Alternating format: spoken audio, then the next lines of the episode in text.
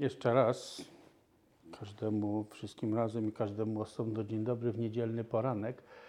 Przypomnę, że kontynuujemy w cykl spotkań od piątku, w których można powiedzieć z punktu widzenia struktury czy sadany, vajrayany omawiałem poszczególne, można powiedzieć, etapy czy też poszczególne e, aspekty praktyki i do tej pory w piątek mówiłem ogólnie o mm, można powiedzieć, porównaniu ścieżki sutr i tantr i było to raczej takie stworzenie, można powiedzieć, e, pewnego e, gruntu, bazy do tego, żeby e, wyjaśnić dalsze nauki. Wczoraj mówiliśmy o znaczeniu przyjęcia schronienia i związanej z tym również postawy odwrócenia się od samsary, pragnienie e, uwolnienia się od samsary, co jest e, zawsze jednoznacznie połączone z ideą przyjęcia schronienia. Jest to mm, zniechęcenie, znużenie, pragnienie porzucenia samsary, a z drugiej strony pragnienie pójścia w kierunku stanu Buddy, e, co wiąże się właśnie z ideą przyjęcia schronienia. Zawsze jak mówimy o schronieniu, warto pamiętać o tym, że nierozerwalnie jest to związane z odwróceniem się plecami do samsary i pójściem w kierunku schronienia. A także mówiliśmy o bodhicitcie, z tym, że nie traktowałem wczorajszych e, spotkań jako kompletnych wykładów o schronieniu, czy też kompletnego, systematycznego przedstawienia nauk o bodhicitcie, ponieważ jesteśmy w takim gronie, że wiem, że wszyscy wiele razy te nauki słyszeliście, więc raczej tak traktuję to jako takie luźne uwagi, ten aspekt, tamten aspekt, to co myślę, że warto jeszcze raz sobie przemyśleć. I podobnie chciałbym podejść teraz do e, praktyki Vajrayany samej w sobie, którą chcemy się dzisiaj e, właśnie zająć. I warto zwrócić uwagę na to, że w Vajrayanie można powiedzieć, że nie ma innych nauk niż te, które zawierają się w dwóch em, rim, rimpa po tybetańsku można powiedzieć dwóch stopniach ścieżki. Dwóch stopniach, a w praktyce to oznacza jakby no, dwóch aspektach e, medytacji czy też praktyki Vajrayany. I też nie będą to kompletne wyjaśnienia o Cierim i Dzogrim, tych dwóch rodzajach rim, dwóch etapach czy dwóch stopniach, tylko też takie luźno rzucone uwagi, czyli zakładam, że ktoś, kto, kto tych nauk słucha, no już wcześniej e, słyszał szereg e, wiadomości, wie w jaki sposób wykonuje się takie praktyki Vajrayany, więc e, będziemy tylko zwracać uwagę na pewne aspekty tego. E, Zwrócę też uwagę na to, bo później jak zaczniemy już wchodzić w jakieś poszczególne zagadnienia, mogę nie pamiętać o tym, żeby zwrócić uwagę, że zarówno Cierim, jak i Dzogrim ma swoje charakterystyczne, takie specyficzne objaśnienia w odniesieniu do sesji medytacyjnej i w odniesieniu do praktyki między sesjami medytacyjnymi. Sesję medytacyjną w takiej klasycznej terminologii tybetańskiej nazywa się niamsiak.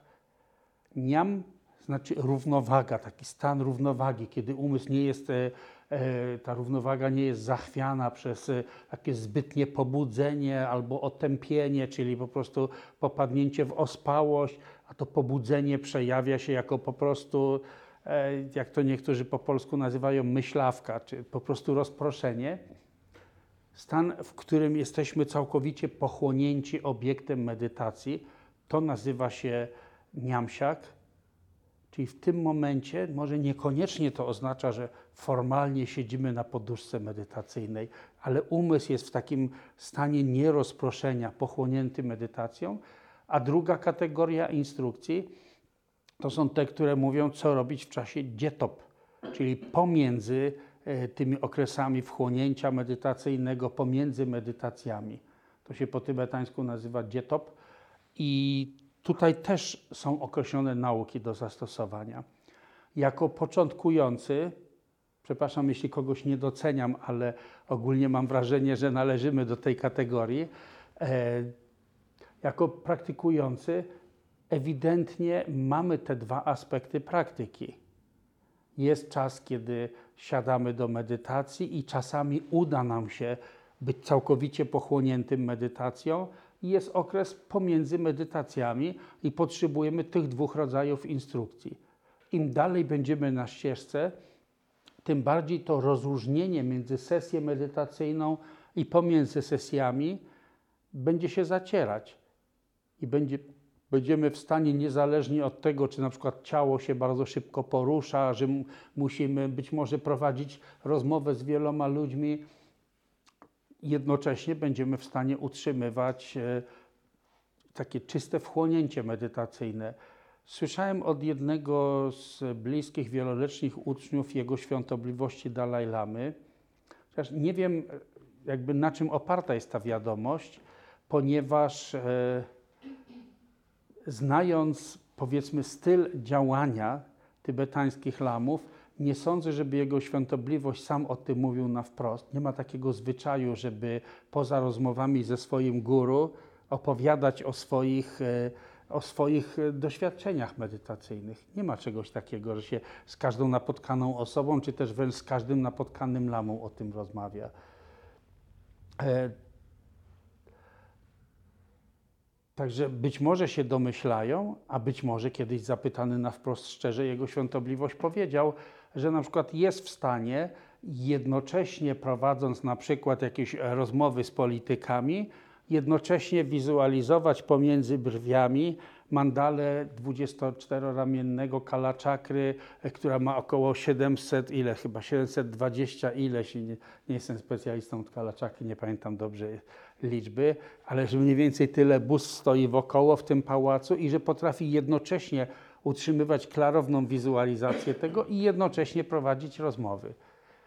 E, z pewnością historie opisujące życie wielkich mistrzów z przeszłości e, potwierdzają, że byli i, pewnie są współcześnie też e, tacy doświadczeni praktykujący, którzy potrafią tego rodzaju rzeczy, że ta codzienna aktywność i sesja medytacyjna nie są dwiema różnymi rzeczami. Dla nas ewidentnie jest tak, że czasami wchodzimy w ten stan równowagi umysłu, oby, to jest też pobożne życzenie, żebyśmy byli w stanie wejść w stan tej równowagi umysłu i bycia chociaż na chwilę całkowicie pochłonięci obiektem medytacji, a czasami tak nie jest. Czasami są te okresy pomiędzy medytacjami. Cierim i dzogrim. Warto najpierw zdefiniować te dwa aspekty, bo przed południem chciałbym się skupić na cierim, a po południu mówić o dzogrym. Kie znaczy dosłownie stwarzać, zrodzić coś, ale stworzyć, sprawić, żeby się pojawiło. Rim to jest stopień, albo również nie tylko stopień, ale proces. Myśmy w, e, dawno temu jeszcze, na przełomie lat 70., 80., w tych pierwszych tłumaczeniach, w latach 80., pamiętacie, w e, dawnych naszych tłumaczeniach ciągle było, jak to była faza rozwojowa, faza budowania, potem na początku była faza rozwojowa, po, po angielsku było developing stage czyli faza rozwojowa. Ale z biegiem lat, poznając coraz więcej nauk na ten temat i mając coraz więcej przemyśleń, wyjaśniając e, różne zagadnienia z tym związane, coraz bardziej poszliśmy w kierunku tego, że RIM to jest proces. Proces, który ma wiele stopni, wiele etapów. Dlatego współcześnie już na pewno, przynajmniej ja i co najmniej kilkoro z moich przyjaciół, nie, nie twierdzę, że wszyscy buddyści Vajrayany w Polsce, ale my poszliśmy w kierunku tłumaczenia tego jako proces, kie, można powiedzieć, stwarzania, proces stwarzania, chociaż nie wiem, czy do końca to oddaje ideę, nie jestem jeszcze taki 100% przekonany, ciągle jeszcze szukam lepszych alternatyw. W praktyce co to oznacza? To oznacza medytowanie na formę Buddy, na formę jakiegoś Buddy, przywoływanie jego obecności, dlatego jest tutaj mowa o kie, czyli takie stwarzanie, stwarzanie tego poczucia, doświadczenia obecności tego Buddy. No i Rim to jest proces. Proces przez, e, przez poszczególne etapy się przechodzi w tym procesie. I Kiedy mówimy o tym stwarzaniu formy Buddy, warto zwrócić uwagę na to, że bardzo często jest to również tłumaczenie z tybetańskiego słowa lha. Bardzo często mówimy jako bóstwa medytacyjne i trzeba to wyraźnie zaznaczyć, że nie mówimy tutaj, nie używamy słowa bóstwa w znaczeniu jakichś takich, nie wiem, potężnych duchów, bogów, ale to słowo oznacza, że jest to coś takiego, można powiedzieć, szczególnego, specjalnego, co ma o wiele wyższe właściwości, wyższą jakość niż takie zwykła jakaś ludzka osoba. Jest to coś ponadludzkiego, jeśli można takie słowo stworzyć, ponadludzkiego, jeśli nikomu się nie kojarzy z ponad ludźmi. W tym sensie używa się słowo bóstwo i mimo, że ten sam wyraz tybetański jest używany również dla, oz, oz, y, dla oznaczenia czy określenia tych y, istot w samsarze, które nazywamy bogami, to tutaj w tym kontekście słowo bóstwo znaczy coś innego. Dotyczy przejawienia się Buddów. W, tej, w tym procesie stosuje się również powtarzanie mantry. A więc kierim, mówiąc już tak najbardziej prostymi słowami, to jest medytacja na formę Buddy wraz z powtarzaniem mantry. Ten etap praktyki.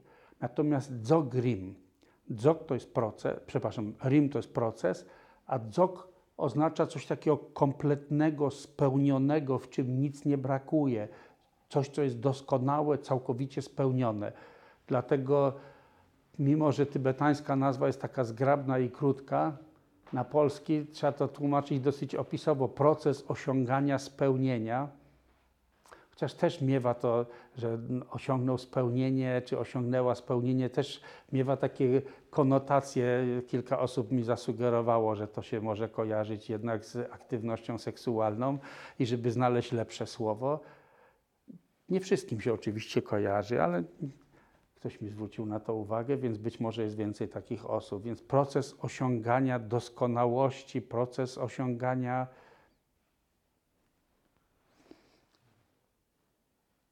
doskonałości, niech tak zostanie. W praktyce co to oznacza? Mamy dwa rodzaje, czy też dwa sposoby praktykowania tego, co ma doprowadzić nas do bezpośredniego doświadczenia natury umysłu, urzeczywistnienia natury umysłu. Jest tutaj dzogrim z charakterystykami, czy posiadające cechy, charakterystyki, i to odnosi się do tak zwanej ścieżki metod. Używam specjalnie dużo tybetańskich nazw, ponieważ e, niektórzy z przyjaciół studiowali tybetański, uczyli się go, niektórzy z kolei też lubią takich e, no, dla uprecyzyjnienia odwoływać się do tych e, tybetańskich nazw. Więc tablam, ścieżka metod, dotyczy to takich praktyk jak e, sześć darm, zwanych na zachodzie sześcioma jogami naropy. Ale również jest, jest sześć darm naropy, sześć jog kala czakry, sześć darm nigumy, sześć darm sukhasiddhi, sześć darm i tak dalej. Rozmaite metody, w których w dużej mierze, nie w każdej z tych aspektów, ale w dużej mierze e, stosujemy metody e, medytowania na kanały subtelnych e, tych wiatrów energii, e, na wiatry, kontrolowanie oddechu, ćwiczenia jogi, takie psychofizyczne ćwiczenia, które w tradycji tybetańskiej są raczej uży, u, y, uważane za sekretne i nie, jeszcze do niedawna nie były publicznie nauczane. W tej chwili widzę w internecie, e, s, mam na myśli, na przykład na YouTubie znajduje się sporo, sporo filmów, kiedy różni lamowie demonstrują tak, tak w taki otwarty, publiczny sposób nauki, który, które jeszcze do współczesnych czasów były sekretne. Nie, nie wolno było ich objaśniać tym, którzy tego nie praktykują. Nie dlatego, żebyśmy zazdrośnie strzegli jakichś sekretów, tylko dlatego, że jeśli ktoś e, nieprzygotowany odpowiednio, nie uczący się tych rzeczy stopniowo, zacznie z tym eksperymentować, to w najlepszym przypadku, do, na, w najlepszym przypadku dozna y, kontuzji fizycznych. Ale bardzo prawdopodobne, że ciężkich kontuzji psychicznych też może. To są takie bardzo, bardzo silne środki, bardzo mocno oddziaływujące na, na całą naszą psychofizyczną osobowość. I to jest tak jak jakieś niezwykle silne lekarstwo. Jeśli się stosuje go nieodpowiednio, to może bardziej zaszkodzić niż pomóc. No ale jesteśmy w takich czasach, że e, coraz więcej takich rzeczy jest gdzieś tam publicznie przedstawianych, co nie oznacza, że ode mnie dostaniecie takie instrukcje, zanim, zanim nie nadejdzie odpowiedni czas, że ktoś nie wykona odpowiednich praktyk. To, że inni nie, nie zachowują się zgodnie z regułami, to nie upoważnia nas do tego, żeby się tak zachowywać.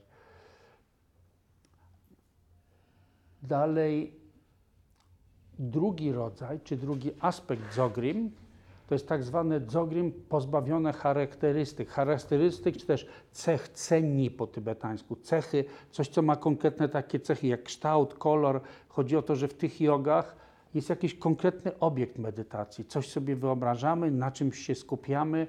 Ten drugi rodzaj to jest tak zwana ścieżka wyzwolenia, drillam, która jest określana jako pozbawiona cech, bo to dotyczy takich praktyk jak Mahamudra czy Dzogchen. Tych praktyk, kiedy po rozpuszczeniu wizualizacji danego bóstwa medytacyjnego kończymy powtarzanie mantry również i bezpośrednio próbujemy medytować, obserwując umysłem umysł, obserwując naturę umysłu. Nie ma tutaj żadnej rzeczy, którą by się dało zobaczyć.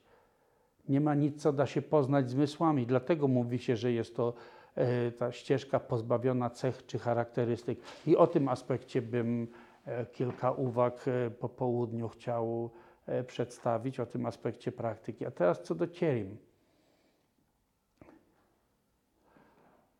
Jest na ten temat dużo nauk. Z całą pewnością nie sposób wszystko w jeden poranek przedstawić, ba nie aspiruję do, do tego, żeby, żeby znać wszystkie nauki. Nie da, przynajmniej ktoś, ktoś taki E, jak ja, kto nie spędził całych lat na głębokich, szczegółowych studiach, e, nie ma opcji, żeby poznał wszystkie nauki. Niemniej, nawet, nawet z tej niewielkiej, z tego niewielkiego zakresu wiedzy, który mam, z pewnością nie dałoby się to e, przedstawić w krótkim wykładzie. Jeżeli kogoś to bardziej interesuje, to kiedyś nauki o Cierim i Dzogrim przedstawiałem bardziej szczegółowo w dwa intensywne weekendy. Są na ten temat nagrania, można się zapoznać. Też nie twierdzę, że to jest wszystko, co, co byłoby do powiedzenia, ale też nie ma sensu, to jest bardzo ważny punkt, że nie ma sensu poznawać tych nauk teoretycznie, jeżeli ktoś nie praktykuje tego. To jest tak, że to jest tak, że wyciszenie telefonów jest dobrym pomysłem. Jest tak, że nauki, ogólnie nauki Mahajany, o bodhicicie, o schronieniu, albo kiedy mówimy o poglądzie i próbujemy porzucić błędne poglądy na temat natury tego, kto postrzega całą rzeczywistość, na temat postrzeganej rzeczywistości, kiedy mówimy o filozofii, takiej jak przedstawiana jest chociażby w tradycji Madhyamaki, czy w tradycji e, szkoły tylko umysłu, czy próbujemy wyciszać telefon.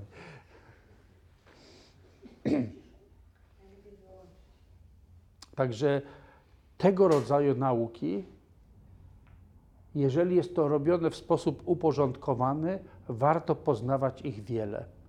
One są super dla ludzi, którzy bardzo chętnie stosują logiczne rozumowanie, bardzo chętnie e, chcieliby e, użyć intelektu jako tego elementu, który pomaga nam lepiej zrozumieć, w jaki sposób powinniśmy żyć, jak reagować na różne sytuacje.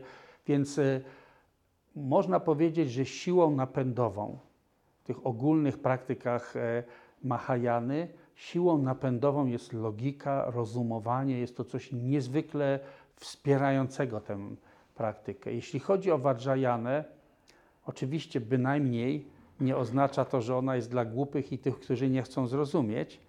Potrzeba wręcz Nawet teksty określają, że trzeba szczególnej inteligencji zdolności rozumienia, ale metoda, która się stosuje, to jest taka, że w zasadzie siłą napędową na tej ścieżce, w praktykach Vajrayany, jest zaufanie, oddanie, wiara.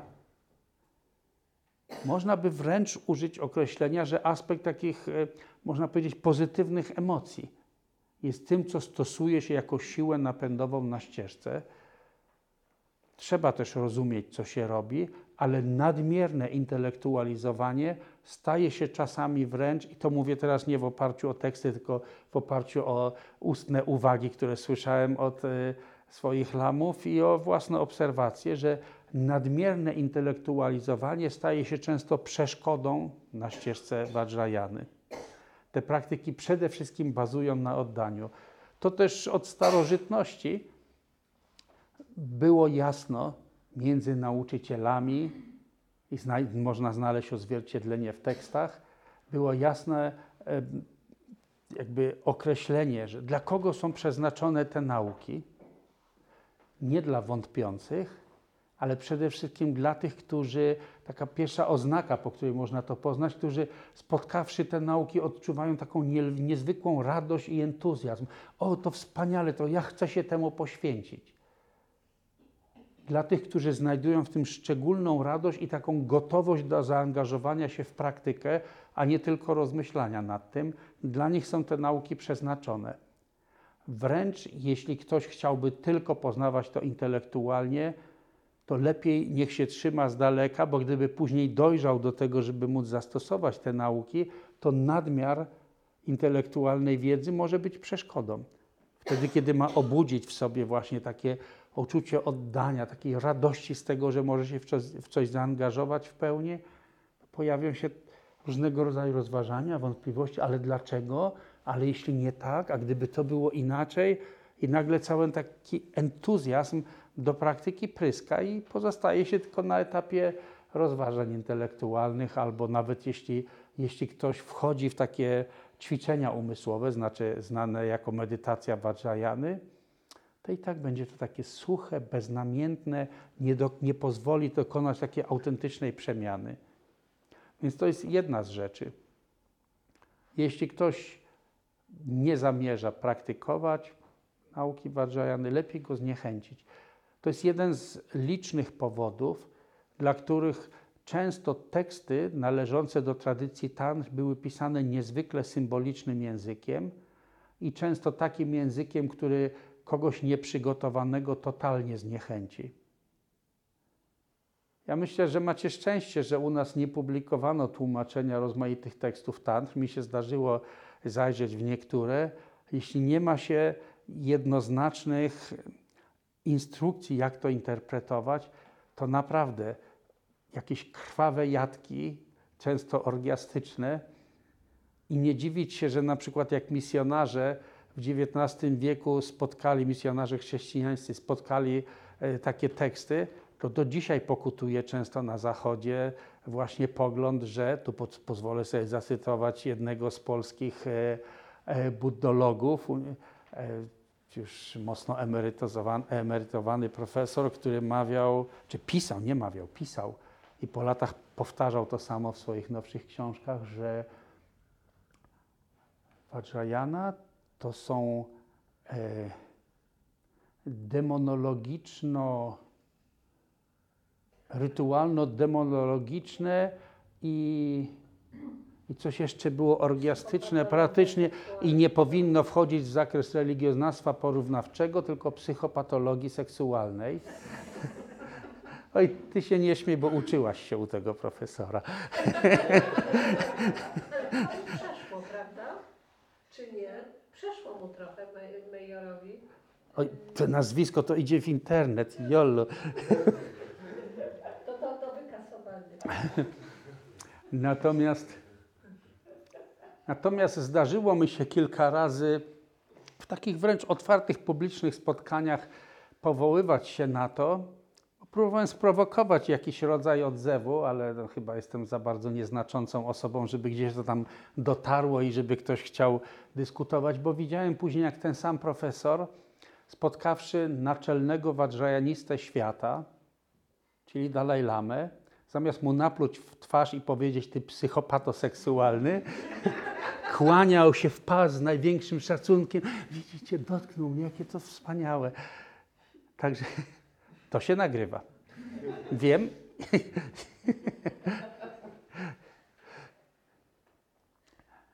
Być może ktoś nie wie, że, że Dalaj Lama jest Dalaj Lamą właśnie dzięki praktykom tantr. Jest, tak jak powiedziałem, świadomie użyłem tego określenia, naczelnym wadżajanistą świata. Także w, świadomie w tekstach tantr używane są takie właśnie, można powiedzieć, zniechęcające i odstraszające e, symbole. Na przykład w jednym z tekstów, w tej chwili dawno temu e, czytałem ten cytat, więc być może nie powtórzę bardzo dosłownie, ale sens jest taki, że na przykład, aby osiągnąć przebudzenie, należy zgwałcić swoją matkę i jej dwie córki. Ma. Oczywiście, że ma, ma, ponieważ matką jest tu nazywany centralny kanał, a dwie córki to dwa boczne kanały i chodzi o to zgwałcić, w sensie e, uzyskać za pomocą tych jogicznych metod taką bezpośrednią kontrolę, władzę, opanować je. Po prostu taka jest symbolika i nie ma dosłownej interpretacji. Różnice między dosłowną a niedosłowną interpretacją. Są takie, że jak ktoś próbuje dosłownie takie rzeczy interpretować, to jest to równie niedorzeczne i mam nadzieję, że nie obrażę niczyich uczuć religijnych, bo chcę tylko właśnie ukazać absurd i że tak nie jest, ale tak jakby ktoś twierdził, że chrześcijanie są kanibalami, bo zjadają ciało i wypijają krew swojego guru Chrystusa i to dosyć regularnie podczas mszy. Jest to oczywiście, że, że jest to nieprawda. Zupełnie tak samo dosłowne interpretowanie tego rodzaju tekstów jest po prostu przejawem ignorancji albo złej woli, a nie znajomości tematu. Także to jest jeden z punktów. Natomiast e, na Zachodzie spotykamy bardzo dużo nieporozumień wśród praktykujących, gorliwie praktykujących buddystów, dużo nieporozumień, ponieważ mam wrażenie, że może trochę nawet za mało e, nauczyciele buddyjscy poświęcają uwagi objaśnieniu natury tych bóstw. Czym albo kim są te bóstwa medytacyjne, te różne formy Buddy, na które medytujemy. Myślę, że nieporozumienie bierze się przede wszystkim stąd, że dotarwszy do innej kultury, często ci nauczyciele nie poznali dogłębnie naszej kultury, w dużej mierze też przez nieznajomość języka. Tacy lamowie jak na przykład Trungpa Rinpoche, który studiował, studiował historię sztuki, jeszcze kilka innych przedmiotów pamiętam na, na Oksfordzie i położył, czy przykładał dużo wagi do tego, żeby dobrze poznać myśl Zachodu. Tacy nauczyciele próbowali wtedy, przedstawiając nauki Vajrayany, ukazać to w taki sposób, który będzie zrozumiały dla ludzi Zachodu. Natomiast jeżeli traktuje się Zachód jako totalnych barbarzyńców i przy, wykłada się im jakiś temat na nowo, w, mając pewność, że pewne sprawy są takie oczywiste, zrozumiałe, to wtedy zachodzą nieporozumienia. Jedno z nieporozumień, o którym już mówiłem wiele razy, ale warto myślę do tego powracać wielokrotnie, to jest przede wszystkim samo użycie słowa sem po tybetańsku, które automatycznie wszyscy tłumacze zachodni tłumaczą jako mind po angielsku, chociaż w początkach naszej grupy w Krakowie, jak Ole przedstawiał to w języku niemieckim i Ania Czapnik tłumaczyła z niemieckiego, to po niemiecku było używane Geist, gdzie słowo Geist może jednocześnie oznaczać umysł, a jednocześnie też ducha. Jest to zresztą piękne słowo, bardzo mając, mające takie szersze, można powiedzieć, zakres znaczeniowy niż mind po angielsku. I ciągle po polsku było przez pierwszych kilka lat w naszej grupie było ducha. Natura ducha, mówimy o naszym duchu. Dopiero później, jak pojawiły się osoby, które tłumaczyły częściej z angielskiego i było mind, mind, umysł, zaczęło się robić z tego umysł. Teraz powszechnie wszyscy buddyści mówią umysł, natura umysłu, ale jeśli zapytać, nawet nie tylko tam za oknem ludzi na ulicy, co to jest umysł, ale nawet jeśli zapytać buddystów, co nazywamy umysłem, to otrzymamy tak rozmaite odpowiedzi, czasem zupełnie sprzeczne ze sobą, a czasem nawet jeśli ktoś potrafi powtórzyć jakąś definicję zasłyszaną na jakimś wykładzie z buddyjskiej filozofii, to w codziennym myśleniu i tak automatycznie kojarzy mu się z tym wyrazem co innego. Otóż dla większości ludzi umysł równa się myślenie. Cały nasz proces myślowy, to również wszystkie nasze odczucia, zdolność odczuwania, zdolność, poprawcie mnie, jeśli się mylę, ale mam wrażenie, że dla większości ludzi umysł to jest tak, nasze myślenie, nasza zdolność postrzegania, reagowania, wszystkie, wszystkie można powiedzieć procesy umysłowe, procesy mentalne. Natomiast nie zastanawiamy się nawet nad tym, czy jeśli ktoś zemdleje i wszystkie procesy myślowe zostały wyłączone, czy jest w głębokiej narkozie, czy wtedy ma umysł, czy nie ma umysłu. Albo jak umarł, czy ma nadal umysł, czy nie ma umysłu.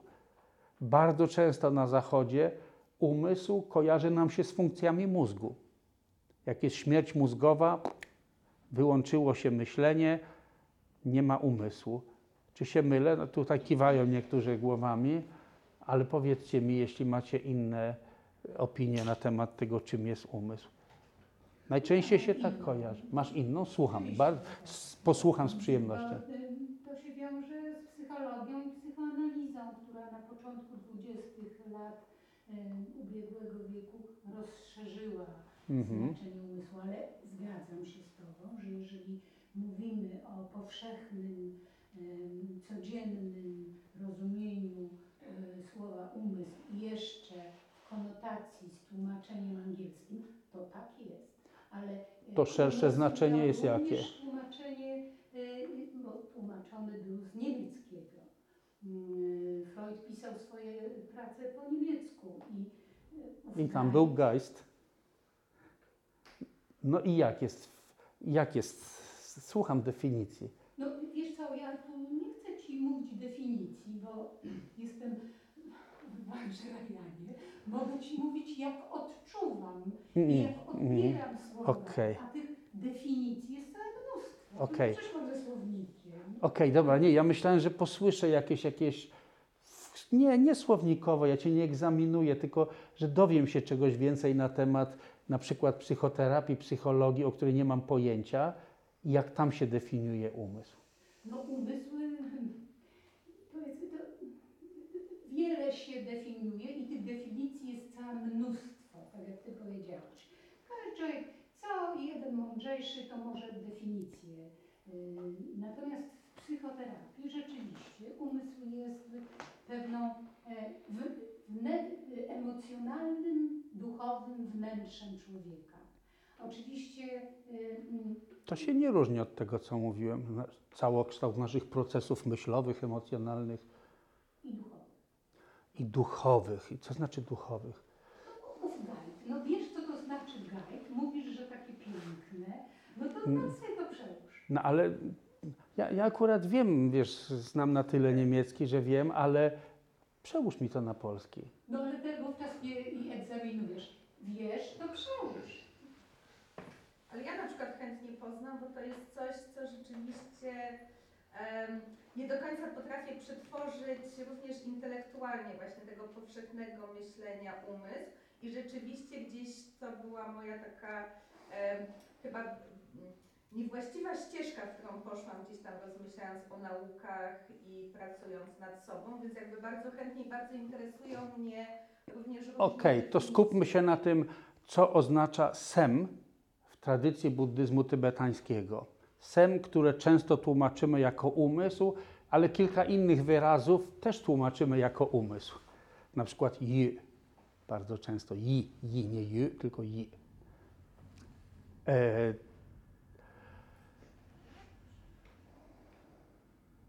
Sem w sanskrycie citta, i w sanskrycie manas, gdzie manas często bardziej oznacza właśnie te takie procesy myślowe, ale w niektórych kontekstach znaczy to samo co sem. To jest jeszcze tak, że tradycja buddyjska też nie jest takim jednym ułożonym, skostniałym systemem, tylko też różni myśliciele wyrażali różne opinie i czasem ten sam wyraz w innym kontekście ma inne znaczenie.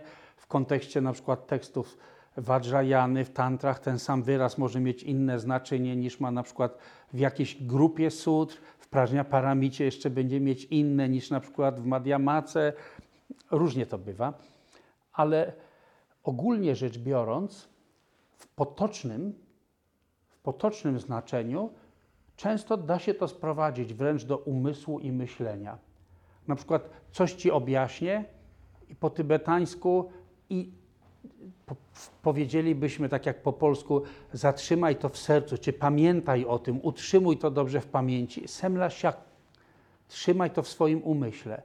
Ale w szerszym znaczeniu, tak jak jest używane właśnie w tekstach darmicznych, bo trzeba odróżnić język potoczny od tego starożytnego języka świętych tekstów i filozofii, one się dosyć mocno różnią. Nie wiem, różnica jest może troszkę mniejsza niż między współczesnym włoskim a, ja, a łaciną, czy starogreką a współczesnym greckim, ale, ale prawie tak duża, że zwykły, niekształcony Tybetańczyk, jak słyszy wykład darmy, to nie wie o czym to jest, jeśli się nie kształcił. Oczywiście, że niektórzy nauczyciele czasami dają wtedy wykład w takim zwykłym, potocznym języku, jak mówią do, do niekształconych lamów. Ale w takim właśnie darmicznym znaczeniu to sem ma kilka aspektów. Czasami jest używane dla określenia nie tylko wszystkich, e, można powiedzieć, procesów myślowych, emocjonalnych itd., itd., ale również tego, w czym to się odbywa.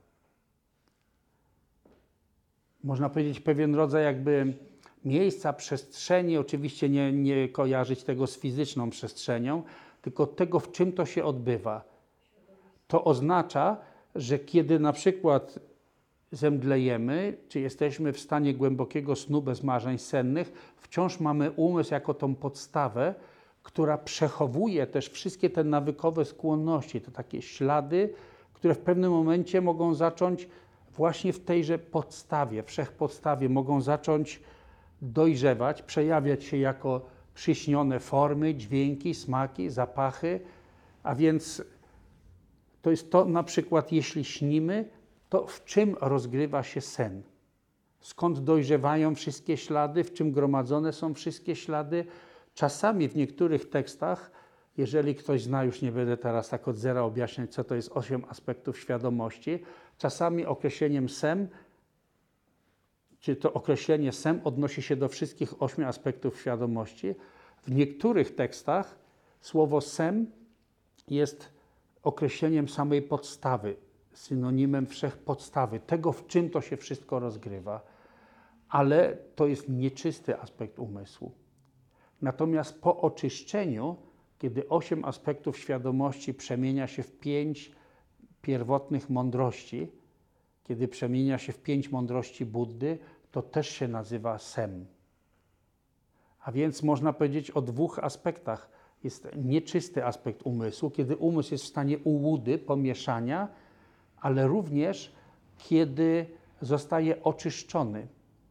Więc kiedy na przykład mówiliśmy podczas tych wstępnych tutaj wykładów o naturze Buddy, to mówimy, że semgi neluk, neluk to, czym jest naprawdę, swojej prawdziwej naturze, sem jest niczym innym jak Buddą. Ma naturę Buddy, czyli to pojęcie sem odnosi się zarówno do tego nieczystego umysłu będące w stanie ułudy, jak i do czystego aspektu, kiedy zostanie usunięta ułuda, i całe emocjonalne pomieszanie, emocjonalne splamienia, to jest sem w swojej prawdziwej naturze. Czyli inaczej mówiąc, oczyszczony umysł, czysta esencja umysłu, to również stan Buddy. W tym znaczeniu sem ma o wiele szersze znaczenie. Dlaczego podkreślam to bardzo mocno? bo to jest coś takiego, o czym przy kilku okazjach opowiadałem, niektórych to może zanudzi, ale jeszcze raz z naciskiem powtórzę, bo zbyt często ciągle widuję te nieporozumienia na ten temat.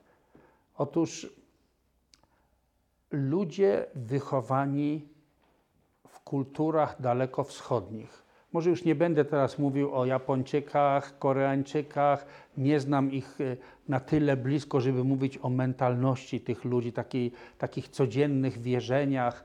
Natomiast znam dosyć dobrze, spędziłem wystarczająco dużo czasu z ludźmi z regionu, y, z regionu Himalajów, gdzie buddyzm Vajrayany jest mocno zakorzeniony.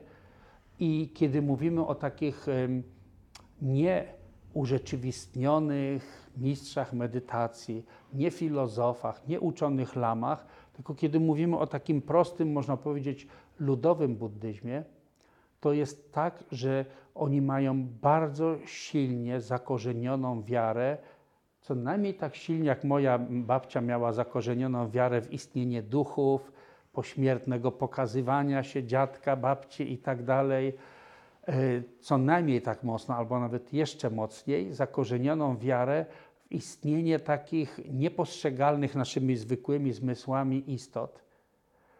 A więc wszędzie widzą duchy. Do tego stopnia, że nawet Sandzie Niempa Rinpoche kilka razy podczas prywatnych rozmów wręcz tak żartobliwie czy lekko drwiąco mówił o tym, że ludzie w Himalajach mają tak silne przeświadczenie, że wszędzie są duchy, że na przykład jak nie zadowolisz duch, y, Boga ognia, to później nie jesteś w stanie rozpalić ognia. A przecież tam nie rozpalało się zapalniczką mm, tej kuchenki gazowej, tylko ogień taki normalny z drewna, kiedy jest czasami trochę bardziej wilgotny. Wiecie, że nie wiem, czy ktoś, młodzież to już pewnie nie, nie paliła ognisk, nie wie jak się rozpala drewno.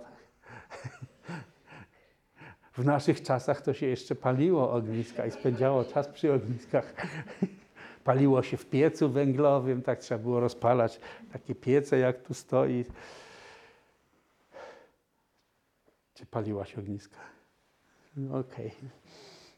Otóż y, nawet coś takiego jak rozpalenie ognia uważali, że to zależy od, y, to już ja powiem tak y, e, żartobliwie, od kaprysu Boga ognia. Od tego, czy go zadowoliliśmy, czy nie. I tego rodzaju podejście mieli po prostu do rozmaitych codziennych działań. Co więcej, kiedy w buddyzmie uczymy się o tych y, rozmaitych przejawach aktywności Buddy. Chenrezik, ucieleśnienie współczucia, Tara to opiekuńcze i ochronne, e, opiekuńcza i ochronna aktywność Buddy i tak dalej. Kiedy popatrzymy na te różne aspekty e, aktywności Buddy, to w ludowym buddyzmie one są często postrzegane przez ludzi właściwie tak, jakby to byli potężni bogowie. To, czy nam się żniwa udadzą, zależy od tego, czy złożymy odpowiednie dary, na przykład tarze. Ruszamy w jakąś podróż, jest niebezpieczeństwo klęski żywiołowej, albo i tak dalej, ileś sytuacji. Najważniejsze błagać tarę. Co więcej, w całej tradycji Vajrayany jest przecież mnóstwo historii o tym, jak te e, bóstwa, mam na myśli tym razem te przebudzone rodzaje aktywności Buddy, które przejawiają się w tym świecie, w odróżnieniu od bogów, które są pełnymi mocy, ale samsarycznymi istotami. Jak te różne formy aktywności Buddy przejawiały się. Cała historia Vajrayany przecież jest pełna wizjonerów. Ktoś miał taką wizję, taką wizję, otrzymywał nauki, ktoś go prowadził na ścieżce, usuwał wszystkie przeszkody. Ba, nawet słyszymy tego rodzaju historie, jako buddyści Vajrayany e, wierzymy w te historie. Na przykład, nie wiem, czy czytaliście dawno temu taki biuletyn Mynsel e, mieliśmy. Ostatnio poszukując czegoś e, z Agnieszką przeglądaliśmy parę numerów i stwierdziliśmy, o jak tam dużo ciekawych i ważnych treści było. Może naprawdę to było fajne, może warto będzie gdzieś udostępnić chociażby PDF-y, szereg naprawdę wartościowych artykułów. I na przykład pamiętam, że w jednym z tych ym, numerów była opisana historia o tym, jak dwóch wielkich em, filozofów Mahajany prowadziło ze sobą debatę. Na innym poziomie wiadomo, że oni się bardzo szanowali i byli później serdecznymi przyjaciółmi. Jeden z nich to Chandrakirti, który był mnichem, a drugi to Chandragomin, który nie był mnichem, ale pisał też e, wiele ważnych e, tekstów i był niezwykle szanowany przez Chandrakirtiego. Na 98% jestem przekonany, że to była między nimi debata. Być może inne imiona, ale historia w każdym razie była taka, że kiedy prowadzili debatę filozoficzną, Chandrakirti zadawał jakieś pytanie, a Chandragomin mówił: Przepraszam, zastanowię się, co odpowiedzieć. Szedł do swojego pokoju i za jakiś czas wracał z odpowiedzią. Chandrakirtiemu wydawało się, że, że jego argument jest tak precyzyjny logicznie, tak niepodważalny, że po prostu skończy dyskusję na temat na przykład natury rzeczywistości. A Chandragomin przychodził zawsze z niezwykle, zaskakująco trafnymi odpowiedziami i tak debata się kontynuowała. W końcu Chandrakirti zaczął się zastanawiać, czemu skoro on jest taki mądry, nie daje odpowiedzi od razu, czemu się chowa w pokoju i czemu w ogóle to, co było oczywiste, udowodnione w buddyzmie przez logikę, nagle podważa, po- podważa w taki trafny sposób. Kiedyś nie wytrzymał, jak Chandrago, Chandragomin zamknął się w pokoju, wszedł i zobaczył, że Chandragomin miał na biurku przed sobą taki posążek Chenrezika, Avalokiteshvary, któremu zadawał pytania i ten posąg dawał mu odpowiedzi, dyktował na takie pytania, musisz odpowiedzieć teraz to i tamto. I to jeszcze z takimi gestami, jak się często robi przy debacie. Jest powiedziane, że w tej historii opowiedziane, że jak e, Chandrakirti to zobaczył, to nie wytrzymał i krzyknął: Chenreziku, jesteś stronniczy. I w tym momencie Chenrezik zamarł w takiej właśnie pozycji jak do debaty i już nigdy się nie poruszał i nie dawał odpowiedzi. Później ten posąg czczony jako relikwia był przechowywany przez stulecia jako właśnie argumentujący Chenrezik właśnie w takiej pozycji.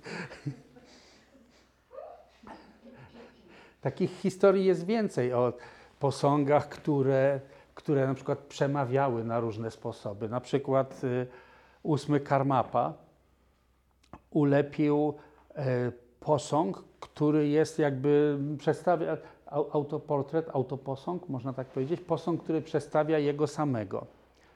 Co więcej, ósmy Karmapa miał ten poziom urzeczywistnienia, że bezwysiłkowo dokonywał różnych cudów. Na przykład ten posąg jest ulepiony z marmuru w taki sposób, jak byłby z miękkiej plasteliny. Do dzisiaj w Rumteku jest przechowywany jako relikwia. Nie widziałem oryginału, ale widziałem zdjęcia tego. Resztka tego marmuru, na którym jest taki odcisk dłoni, tak jak wyciśnięty w miękkiej plastelinie. Odcisk dłoni ósmego karmapy.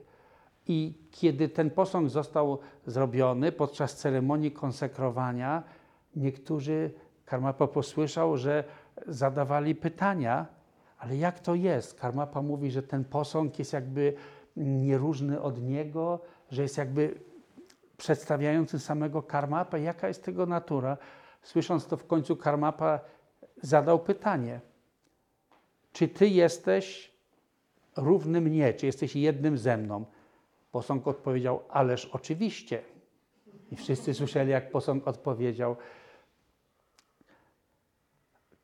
Był taki, już niestety umarł kilka lat temu, był taki starszej daty lama, zresztą serdeczny przyjaciel z dawnych czasów z Rumteku, serdeczny przyjaciel Tengi Rinpoche, Bagi Rinpoche, który e, uciekając z Tybetu zabrał ze sobą mnóstwo drogocennych relikwii, między innymi e, znany właśnie z wiele razy przemawiania w historii posąg pierwszego Karmapy.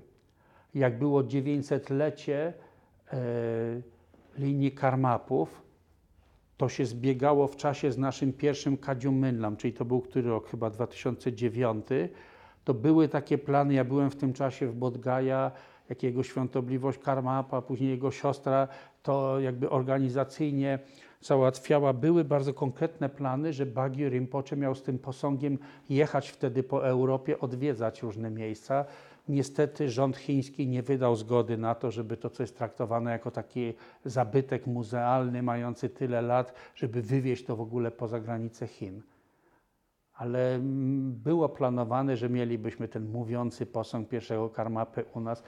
Nie oznacza to, że on by przemówił, ale były takie okoliczności, kiedy przemawiał. Podobnie, jeśli komuś zdarzy się jechać do Nepalu,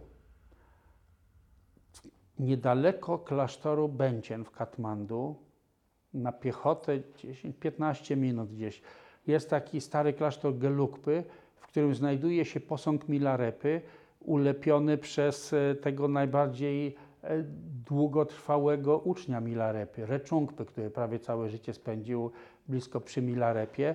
Jest powiedziane, że jak Reczungpa leci, lepił ten posąg swojego guru Milarepy, to widząc to, Milarepa napluł w tą glinę, z której posąg był lepiony i że ten posąg w przeszłości też wiele razy przemawiał. On ciągle tam jest na ołtarzu. Kiedyś dawno temu zrobiłem zdjęcie, to jeszcze tak klisza skanowana, nie, nie jest to super dobrej jakości, ale będąc tam można odwiedzić, pokłonić się. Oczywiście nie, nie do każdego nie zawsze przemawia, ale jest wiele takich historii, które opisują właśnie na przykład mówiące posągi. Nie wiem, czy oglądaliście na YouTubie, jest e, na naszym kanale wywiad z Sandzieniempą Rinpoche, który twierdzi, że ten nasz posąg w Grabniku z pewnością kiedyś przemówi. Nie wiadomo kiedy, to zależy od oddania uczniów, ale, ale że na pewno kiedyś to nastąpi. Teraz, e, słysząc tego rodzaju historie, jak, jak te na przykład posągi przemawiały czy robiły różne rzeczy, historie o tym, jak różni praktykujący mieli różne wizje i czego e, te bóstwa potrafiły dokonać. Na przykład jedna z historii mówi o tym, że kiedyś Chodziur Decien Lingpa, jest w tej chwili taka książeczka, ja to historię słyszałem zanim książeczkę jeszcze wydrukowano, być może pewne szczegóły będą się różnić, a teraz nie, nie czytałem książki, nie, jest, nie jestem w stanie czytać wszystkiego, co się ukazuje. Zbieram skrupulatnie wszystkie takie klasyczne teksty. Mam od, całą ścianę mam w książkach, ale niestety nie mam czasu czytać wszystkiego. I myślę, że nie ma też potrzeby czytać wszystkiego. Mogą się wtedy korki przepalić. w każdym razie e, wielki Terton, jednocześnie wizjoner, Chodziur Decien Lingpa w XIX wieku. Jest powiedziane, jak podróżował razem z... No, zawsze Tybetańczycy poruszali się taką grupą w obozach po tych wielkich pustkowiach i były to czasy, kiedy wielu ludzi rabowało te karawany podróżnych. To był no, kraj, w którym wielu ludzi zajmowało się zbójectwem. I kiedyś, gdy zatrzymali się w takiej bardzo rozległej dolinie, a rozległa dolina w Tybecie to oznacza, że na horyzoncie widać góry, na horyzoncie drugim widać góry, wszystko jest na przykład na wysokości 5000 metrów, ale ta dolina jest płaska. Później przechodzi się przez góry i jakaś następna dolina na wysokości 4700 metrów na przykład dolina. I kiedyś przeszli przez kolejną przełęcz, znaleźli się w nowej dolinie, po czym pojawiła się straszna zawierucha śnieżna. Dzień i noc padały straszne ilości śniegu, tak gęstego, że nie widać było na parę metrów. Śniegu przybywało, wiatr strasznie silny, oczywiście wtedy na prędce rozbija się namioty i czeka się w namiotach, aż się taka śnieżyca skończy. Ale ponieważ śnieżyca się nie kończyła i nie kończyła, historię opowiadali asystenci, lamowie, którzy podróżowali razem z Chodziurem de Cienlingpą. Posłyszeli, jak on w swoim namiocie stukał na, bębenków, na bębenku, recytował jakiś rytuał i za chwilę z tej śnieżycy wybiegł na białym koniu, taki ubrany w takie starożytne, lśniące szaty, przepięknie wyglądający, ale jakoś tak strasznie nieludzko wyglądający taki jeździec, zbiegł z konia, wbiegł do namiotu i podsłuchali rozmowę. Jak Chodziur Decien Lingpa takim strasznie nakazującym głosem mówił, masz natychmiast skończyć tą śnieżycę. Nie wolno ci sprawiać więcej przeszkód naszej podróży. Dlaczego tak robisz? A na to ten ktoś też takim trochę nieludzkim głosem odpowiedział, bo wczoraj, jak w poprzedniej dolinie składałeś tormy strażnikom darmy, to złożyłeś tormę w ofierze dla Niancientangla. Niancientangla to jest jeden z takich e, strażników. On jest uważany za bóstwo opiekuńcze e, całego pasma górskiego Niancientangla. Nie wiem, czy znacie geografię na tyle. Centralny Tybet Niancientangla oddziela od wschodniego, od Kamu. To jest takie pasmo wysokich e, gór. Niancientangla e, został w przeszłości przez i Guru Rinpoche'ego, i Karma Paksie, innych wielkich mistrzów związany przysięgami jako strażnik darmy. Jest wiele historii, jak e, wspomagał różnych praktykujących darmę. Więc e, tutaj ten ktoś mówi, złożyłeś w ofierze tormy Niancientangli, a mnie pominąłeś. Dlatego muszę, muszę się zemścić i pokazać, że jesteśmy równi z Niancientanglą. Na co Chodziur Decien Lingpa powiedział, aha, twierdzisz, że jesteś równy z Niancientanglą. Czy chcesz, żebym go przywołał? nie, nie, nie, nie, nie. Skądinąd Niancientangla jest uważany za bodhisatwę na ósmym stopniu bodhisattwy. Nie, nie, nie, w, ta, w takim nie przywołuj, nie przywołuj. I faktycznie za chwilę odjechał. Oczywiście uważa się, że to było takie bóstwo opiekuńcze tego, tego miejsca, tej doliny. Za chwilę odjechał, śnieżyca się skończyła i mogli dalej spokojnie podróżować.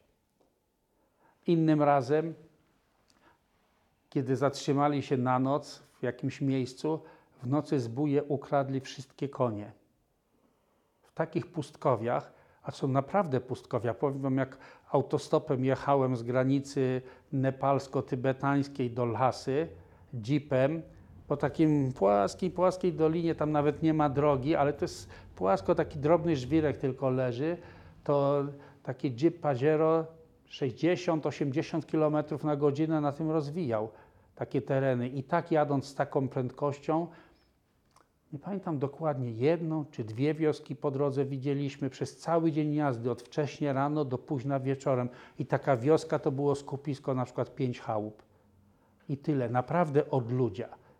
Więc jak się wolniej podróżuje na koniu, bez konia, to oznacza śmierć głodową po prostu. Ktoś ukradł im te wszystkie konie.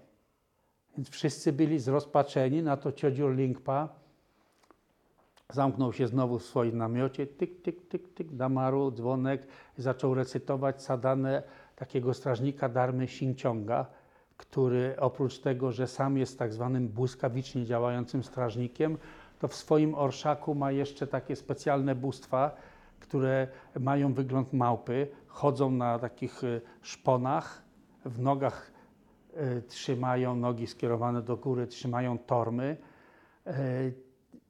I są tymi, którzy spełniają aktywności Xinjianga.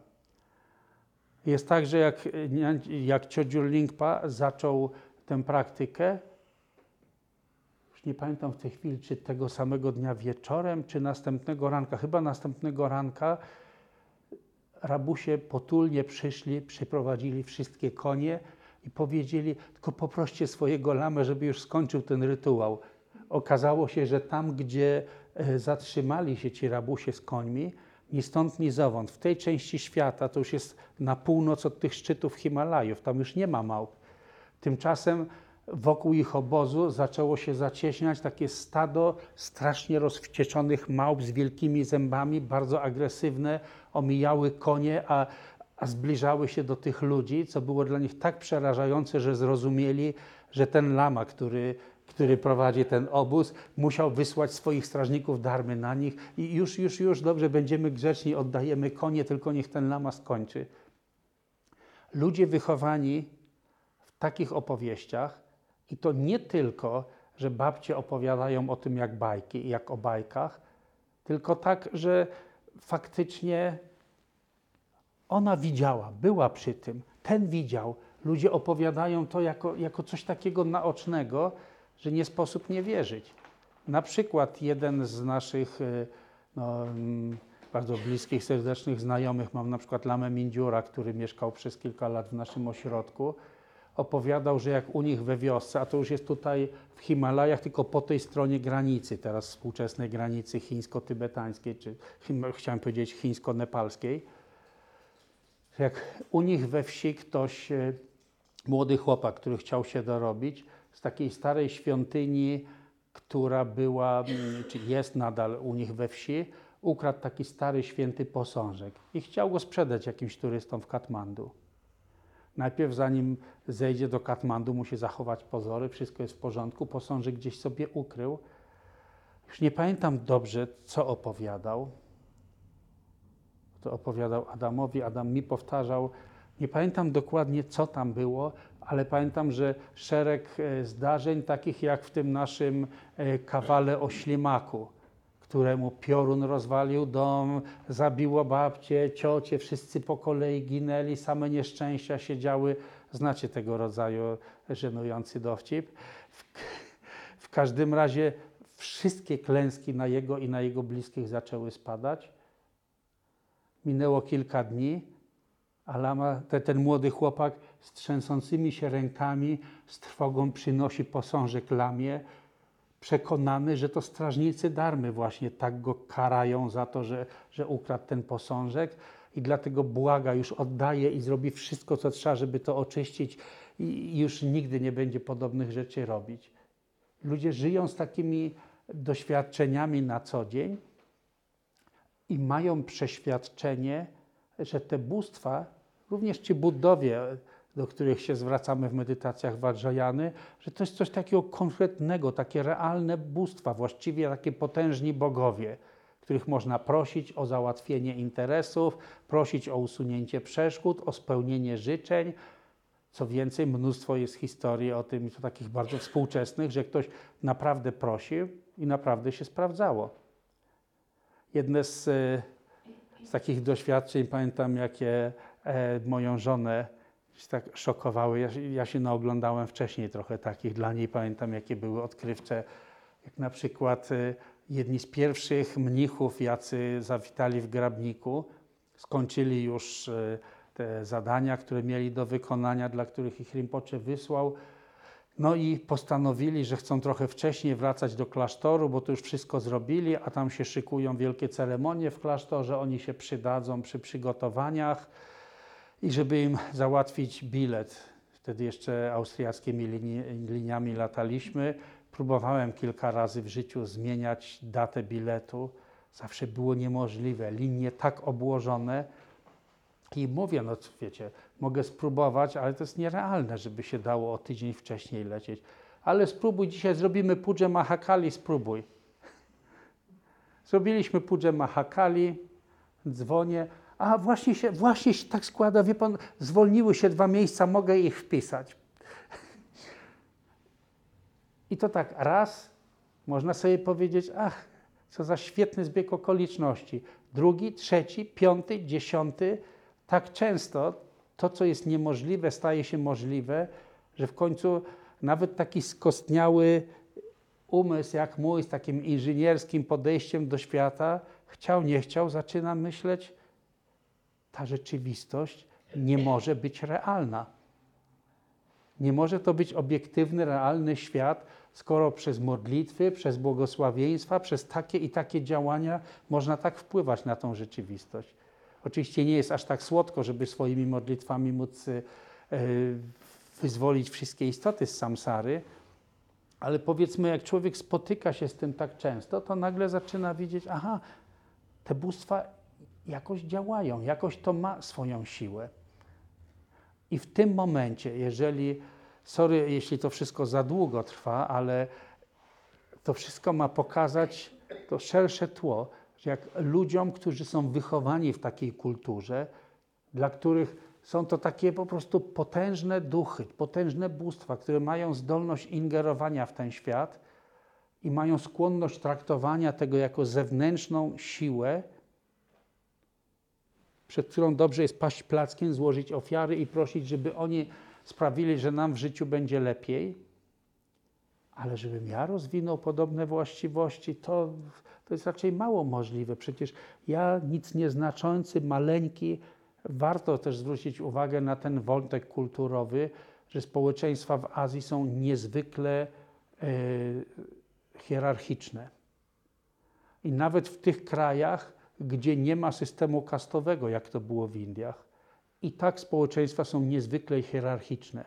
To poczucie, że ja jestem niski, nic nieznaczący, to poczucie naprawdę jest wśród wielu ludzi niezwykle silne.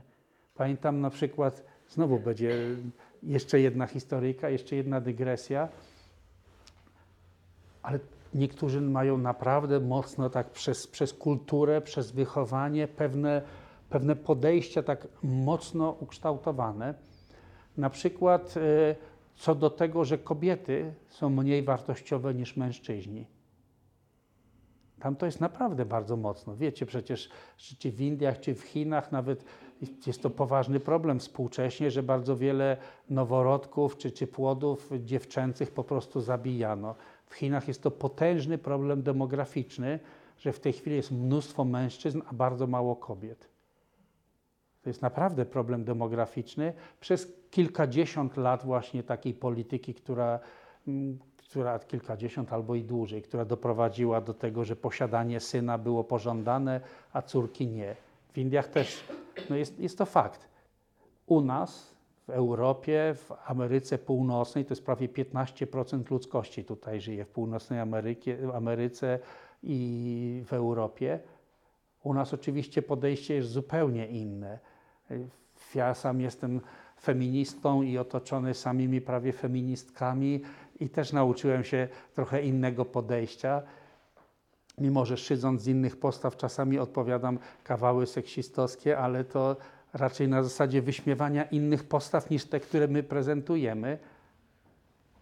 Tylko sposób opowiadania jest taki, żeby to zawsze robić na poważnie i niektórzy myślą, że że mam trochę niewłaściwe podejście albo bardzo niewłaściwe. Ale wracając do meritum, kiedyś w rozmowie z Sandzi Niempą Rinpoche mówiłem o tym, jak spotkałem się z jakąś sytuacją, w której ktoś, jakiś, jakiś e, z azjatyckich lamów potraktował jakąś kobietę, która e, jakby przedstawiając tak, że no, że no tak, tak i tak to się objaśnia, jak to mnisi praktykują, no ale wiesz, ty to nie dasz rady i, i to trzeba trochę, trochę inaczej. I, I z mojego punktu widzenia to było raczej narzekanie na tego lamę, tym bardziej, że na przykład no, Tenga Rinpoche nigdy, nigdy, przenigdy nie zaprezentował takiej postawy, żeby w jakikolwiek sposób inaczej, w znaczeniu gorzej traktować dziewczyny czy kobiety. Miał mnóstwo uczennic, chociażby w głównym ośrodku e, w Almuten, w zarządzie u Rinpoczego, w zarządzie ośrodka prawie same dziewczyny. I nie muszę przekonywać o tym, naprawdę Rinpoche był od tego wolny i wychowany darmicznie tak właśnie przez Tengę Rinpoche, raczej narzekałem na tego lamę. A Sandzie Niempa Rinpoche z taką prostą, no faktycznie, no, wiele dziewczyn myśli, że są gorsze, że nie dadzą rady. No i trzeba jakoś tak dostosować nauczanie do, do tego, żeby, żeby do nich trafić i przemówić. Rinpoche też się spotyka z tym na co dzień, że kobiety w Azji bardzo często, ja jestem tylko kobietą, ja to nie dam rady, no ale może bym mogła coś jednak spróbować Rinpoche. To jest mocno zakorzenione w tamtej kulturze. I nie zajmuję się teraz ocenianiem dobre czy złe, po prostu przedstawiam fakty. I mając tego rodzaju mentalność, tak silnie zakorzenione to poczucie, aha, ja jestem niski, bo to dotyczy o kobietach, to była taka dygresja, ale ogólnie wielu ludzi, ja jestem niegodny, ja jestem niski, ja nie dam rady. Są lamowie, święci, tulku, oni to mogą, my nic nie damy rady.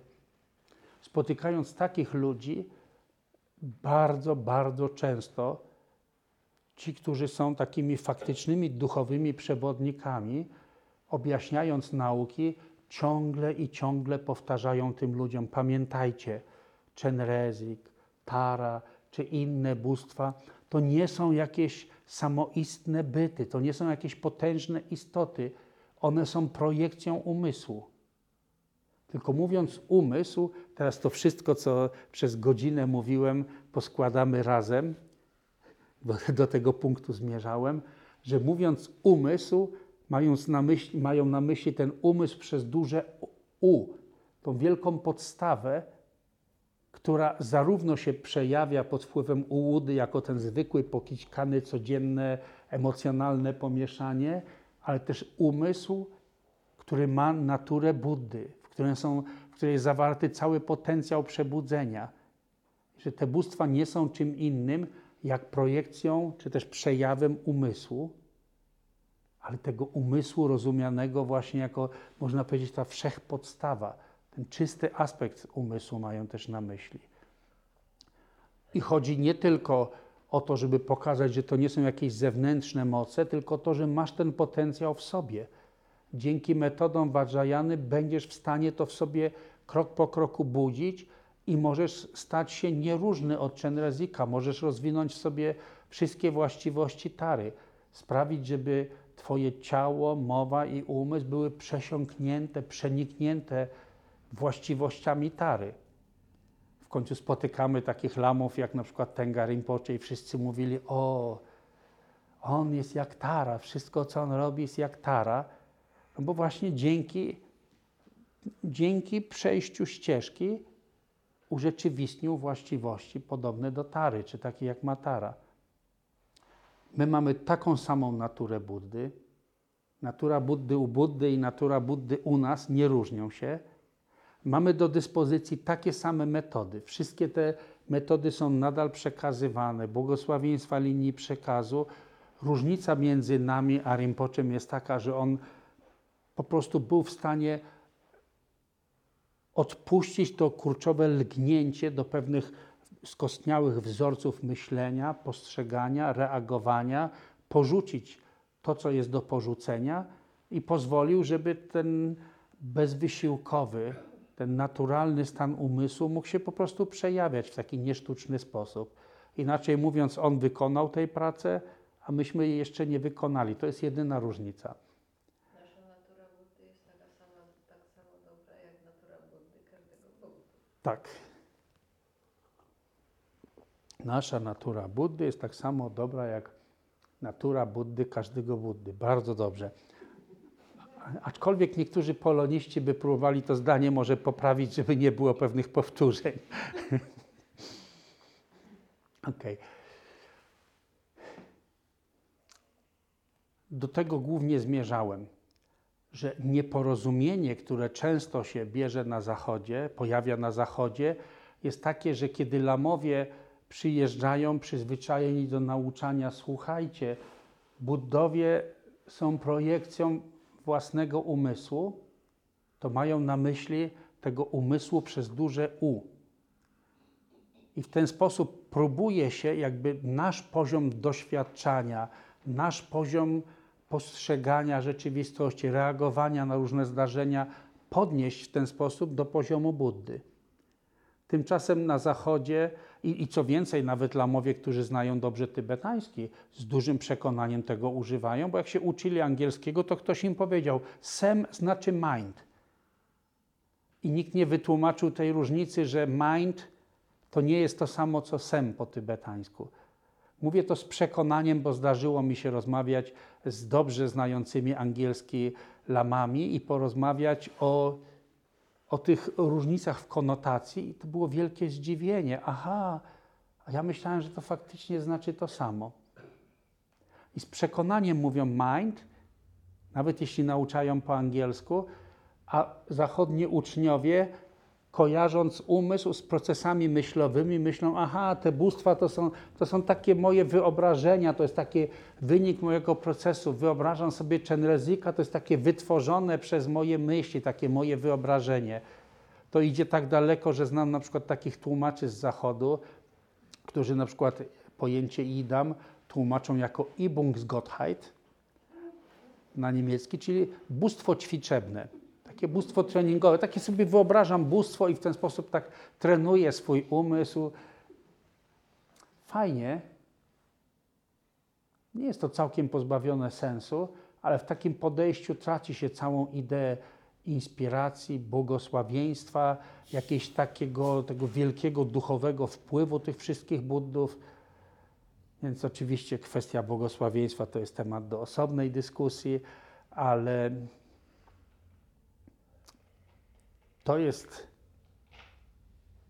Mówiłem, że tak w czasie tego spotkania rzucam tylko pewne, pewne fragmenty, pewne takie wybrane myśli i zakładałem, że na ten temat w 5 minut załatwię kwestię umysłu, ale troszkę za dużo było historyjek opowiedzianych.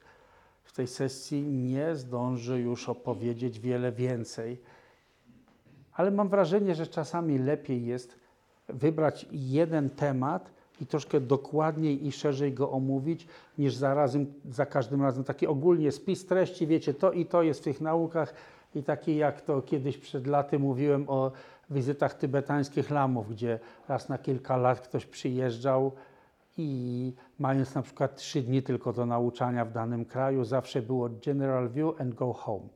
Ogólny pogląd, idźcie do domu. Ogólny pogląd, idźcie do domu.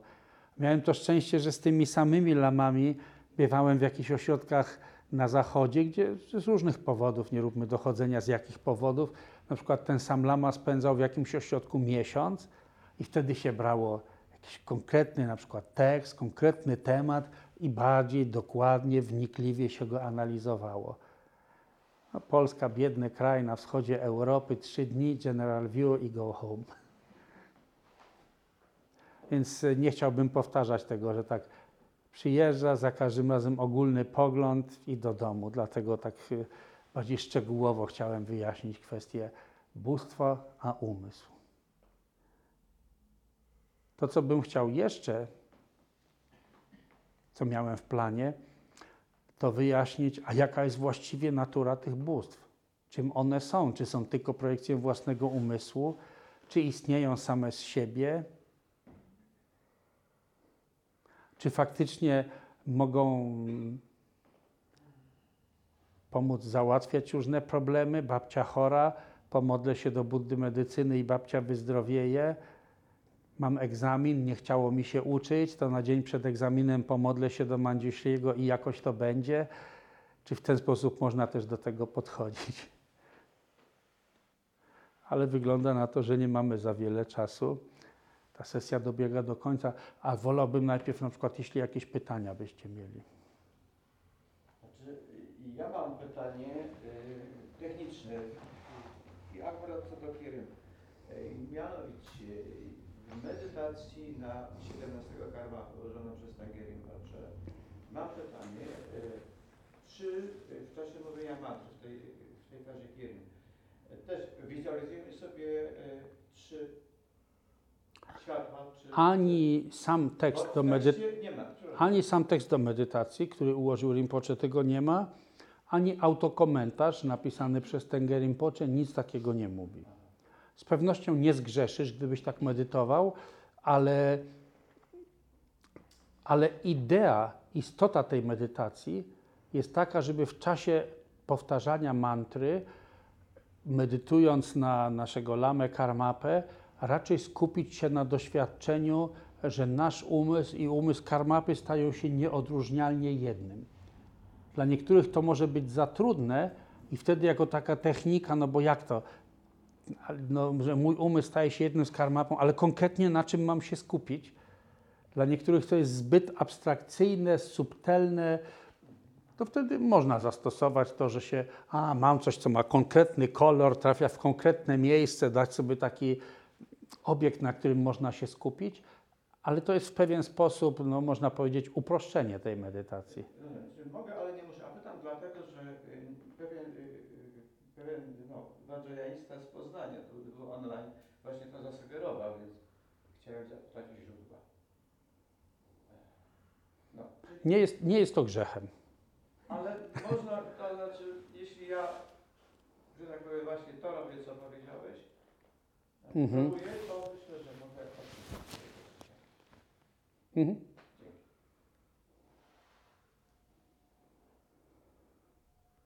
To ja się zapytam, to jaka jest rzeczywiście ta y, istota tych bóstw medytacyjnych? Czy mają istnienie samo z siebie?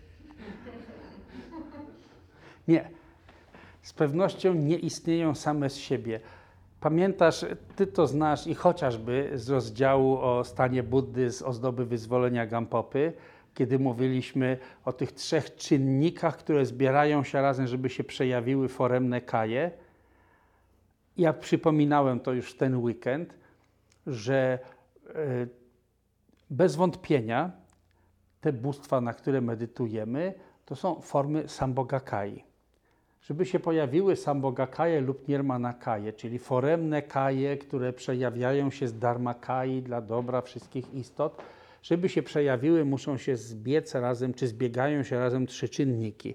Pierwsze to jest błogosławieństwo dharmakai, to że dharmakaja w naturalny sposób ma tę zdolność, możliwość, ten aspekt jasności, zdolność przejawiania się, obdarzania błogosławieństwami. I ten, to jest zawsze. Dharmakaya jest zawsze. Drugie to były te e, życzenia, modlitwy bodhisattvów, kiedy byli jeszcze na ścieżce, ale to nie są jakieś e, nieczyste, karmiczne, emocjonalnie uwarunkowane działania, tylko czyste modlitwy bodhisattvów. Przykładowo, no to, to przypominam już nie dla Ciebie, bo Ty to e, znasz, takie jak na przykład tych 12 wielkich ślubowań e, Buddy medycyny, czy 18 ślubowań Buddy Amitaby. Siła tych modlitw taka, że kiedy osiągnę przebudzenie, obym przejawił taką i taką aktywność. I ta aktywność jest później, można powiedzieć, spełnieniem tych modlitw. Ale trzeci warunek, który w dosłownym tłumaczeniu to jest to czyste widzenie. Znaczy widzenie w sposób czysty przez czujące istoty, czyli muszą być takie istoty, które dojrzały do tego, że są w stanie tę aktywność w jakiś sposób postrzegać. No, przykład powtórzę jeszcze raz, chociaż już mówiłem to w ten weekend, że gdyby nie było nikogo, kto mógłby się odrodzić w czystej krainie Amitaby, w Sukhavati, czy po tybetańsku Dełaczenie, to nie miałby powodu Buddha Amitabha rozgrywać taki teatrzyk, czystą krainę, w której nikogo nie ma oprócz niego samego. Amitabha w prawdziwej naturze jest dharmakają, pozbawioną jakichkolwiek cech czy charakterystyk. Dla dobra istot przejawia się jako tenże czerwony Buddha w czystej krainie, bo ci, którzy osiągnęli przynajmniej pierwszy poziom bodhisattwy, odradzają się w tej krainie i mogą bardzo szybko, to jest taka czysta iluzja, droga na skróty. Nam się odradza, nie musi chodzić do szkoły, płacić podatków, chodzić do pracy, zbrać wolnego na kurs z Amitabą, tylko bez przerwy. Wszystko sprzyja tylko praktyce otrzymywania nauk. Taka czysta iluzja, dzięki której szybko dojdzie się do stanu Buddy. I tak się przejawiają formy Sambogakai. Mówiłem przy różnych okazjach, że żeby móc bezpośrednio czerpać nauki od Sambogakai, są dwa sposoby. Ogólnie mówi się, że Sambogakaje przejawiają się w czystych krainach, czyli są dostępne dla tych, którzy osiągnęli przynajmniej pierwszy poziom bodhisattwy, urzeczywistnili pustość wszystkich zjawisk, urzeczywistnili dharmatę. I jeden sposób to jest taki, że osiągnąć tę duchową czystość, umrzeć i po śmierci odrodzić się w czystej krainie. I wtedy, tak jak my siebie widzimy twarzą w twarz, tu cytuję Tengerin Pocze, który mówił, o, tak jak my siebie widzimy twarzą w twarz, tak samo widzimy się z Buddą Amitabą, możemy zadać pytanie, dostać odpowiedź. Drugi sposób jest taki, że już teraz, żyjąc w tym ludzkim świecie, osiągnąć taki poziom duchowej czystości, że faktycznie nasz umysł jest na pierwszym poziomie bodhisattwy albo wyżej. I wtedy można bezpośrednio także uczyć się od tych, od tych form Sambogakai. I są tutaj, można powiedzieć, jakby trzy poziomy, trzy sposoby. Niektórzy dzięki tej duchowej czystości widzą bezpośrednio takiego Buddę, otrzymują od niego nauki. I w historii buddyzmu mamy takich, chociażby wielki Asanga. Jeden z tych, y, to jeszcze w Indiach, Asanga w którym wieku żył? Pewnie koło Nigdy nie sprawdzałem, ale wydaje mi się, że koło ósmego, szóstego, Chyba wcześniej. Asanga, Czy wcześniej? Wcześniej.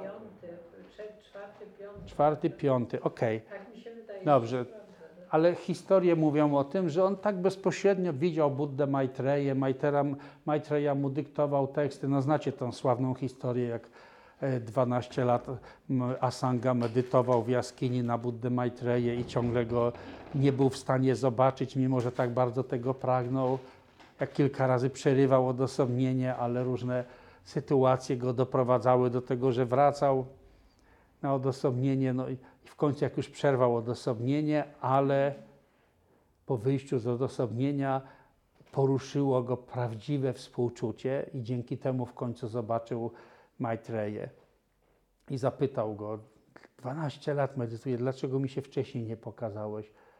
No właśnie dlatego, że twoje zaciemnienia, splamienia nie pozwalały, a cały czas byłem przy tobie. Pojawiłem się w postaci tej, tej osoby. Nie chcę już teraz rozwlekać tej historii w całości, tych różnych osób, które cię zainspirowały do powrócenia do praktyki. I, I dopiero teraz, kiedy przejawiłeś prawdziwe współczucie, dzięki temu usunąłeś zaciemnienia umysłu i jesteś w stanie mnie zobaczyć. A nawet chciał, żeby wszyscy inni mogli zobaczyć Maitreję. Maitreya mówił, to se nie da.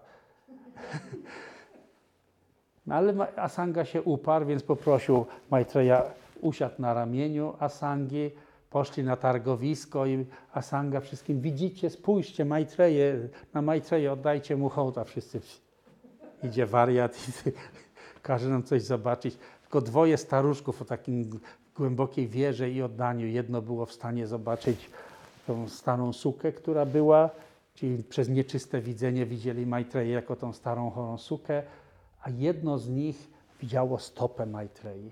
I to już było bardzo wiele. I to jest jeden z przykładów, już, już zaraz dopuszczę do głosu. A takich historii jest więcej, kiedy ktoś na jawie widzi bezpośrednio i otrzymuje nauki. Drugi sposób to jest taki, że w takim wchłonięciu medytacyjnym, w takim stanie głębokiego pochłonięcia medytacją, ktoś może porzucić lgnięcie do tego świata jako realnego i rzeczywiście wtedy doświadczyć tego głębszego stanu umysłu i być może zobaczyć, e, e, zobaczyć bóstwo. Na przykład, nie wiem czy znacie, kiedyś krążyła, jest ciągle na YouTubie, taki film o joginach Tybetu, jakiś dokumentalny film, chyba Francuzi robili i kilku no, to było, nie wiem, przełom lat 90., 2000, jeszcze wtedy żyjących, teraz może nie wszyscy z nich żyją.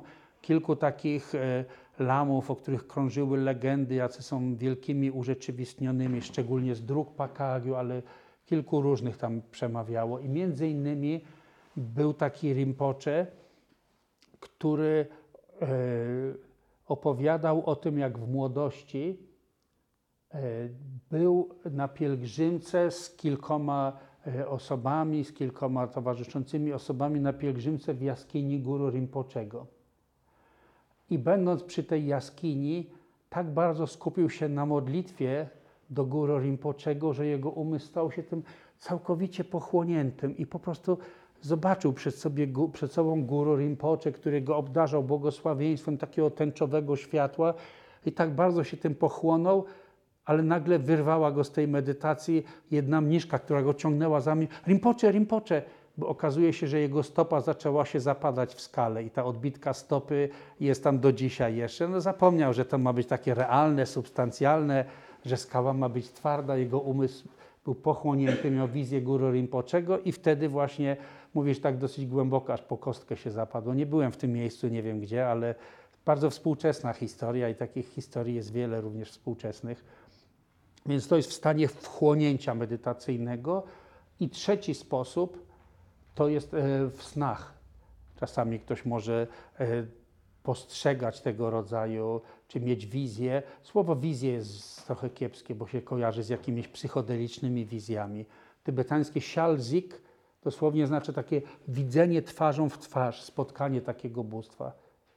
Oczywiście musimy się zapytać, gdzie jest różnica, od którego momentu to będą wizje schizofreniczne, od którego momentu to jest wmawianie sobie czegoś, co, co nie ma faktycznie duchowej siły.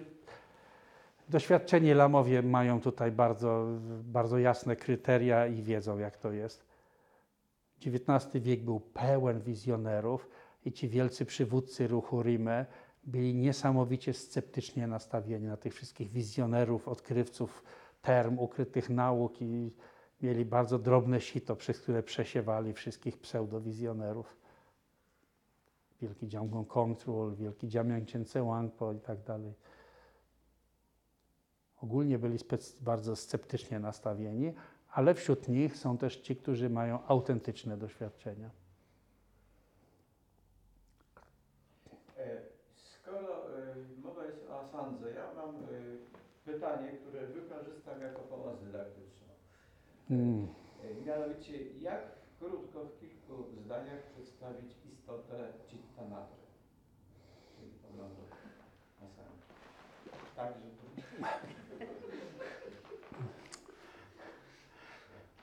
Nie wiem, myślę, że nie jestem właściwym adresatem pytania, bo nie mam rzetelnego wykształcenia w filozofii buddyjskiej. Nie kończyłem siedra, nie kończyłem systematycznych studiów filozoficznych, trochę tu, trochę tam.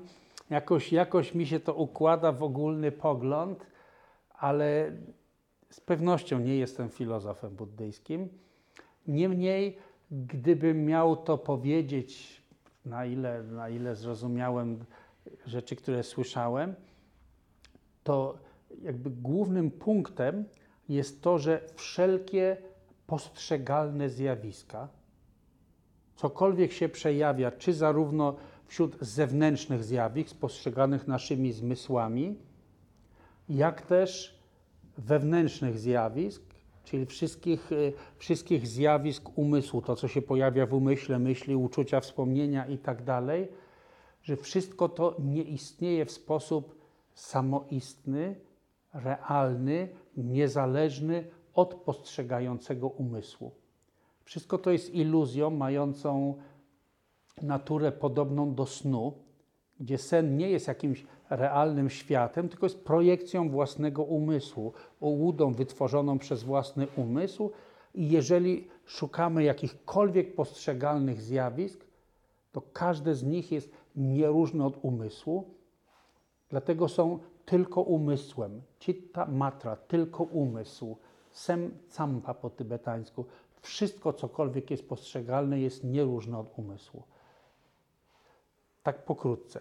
Natomiast oczywiście e, później filozofowie Madhyamaki zaczynają się pytać, a czy ten umysł sam w sobie istnieje? I to jest inna dyskusja. Ale chodzi o ten umysł przez duże U. Jo.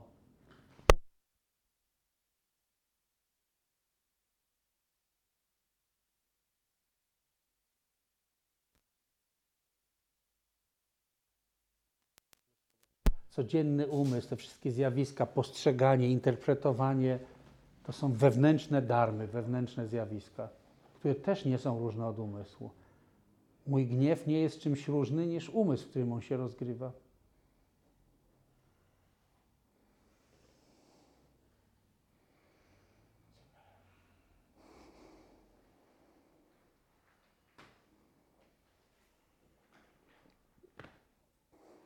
Jeśli więcej pytań nie mam, to się zastanawiam tylko, czy wystarczająco dokończyłem, jaka jest natura tych bóstw. Czy mają samoistny byt?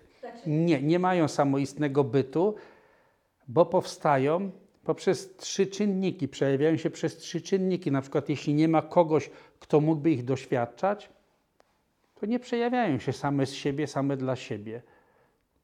no bo na przykład y, Dol Popa, który był taki najbardziej radykalny w przedstawianiu tam ró- różnic pomiędzy relatywnym a ostatecznym istnieniem, to on twierdził, że Sambhogakaya, że te bóstwa Sambhogakai są właściwościami natury Buddy i jako takie właściwości są, no nie można powiedzieć, że istnieją rzeczywiście, ale że mają jakieś swoje e, niezależne istnienie, jako właściwości Dharmakai. No nie sposób się nie zgodzić z Dolpopą. Chociaż gdybym był filozofem Gelupy, to z definicji musiałbym się nie zgadzać, tak. Natomiast ponieważ gdzieś tam podążamy za śladami, jakie zostawili wielcy kadziupowie, to nie, nie powinniśmy i nie możemy się nie zgadzać z Dolpopą. E, Myślę, że to jest wszystko kwestia terminologii, że ten sam termin użyty w różnym kontekście może co innego oznaczać, o co innego oznaczać. W takim sensie, jak, jak właśnie tak potocznie myślimy, że pewne zjawiska są realne, samoistne, niezależne, na przykład w takim potocznym rozumieniu, ta szklanka jest po prostu szklanką. Niezależnie od tego, czy my ją, na nią patrzymy, czy wszyscy wyjdziemy z tego pomieszczenia, niezależnie od tego, czy zniknie słońce, cała droga mleczna, cały wszechświat, rozpadnie się ziemia, wszystko inne zostanie zniszczone, szklanka ciągle będzie szklanką, bo jest samoistna, istnieje niezależnie od wszystkiego innego. W takim sensie myślimy o samoistności i w takim sensie buddyzm mówi nie. Nic, co jest postrzegalne, jak również postrzegający, nie są samoistne. Wszystko istnieje tylko przez współzależne uwarunkowanie.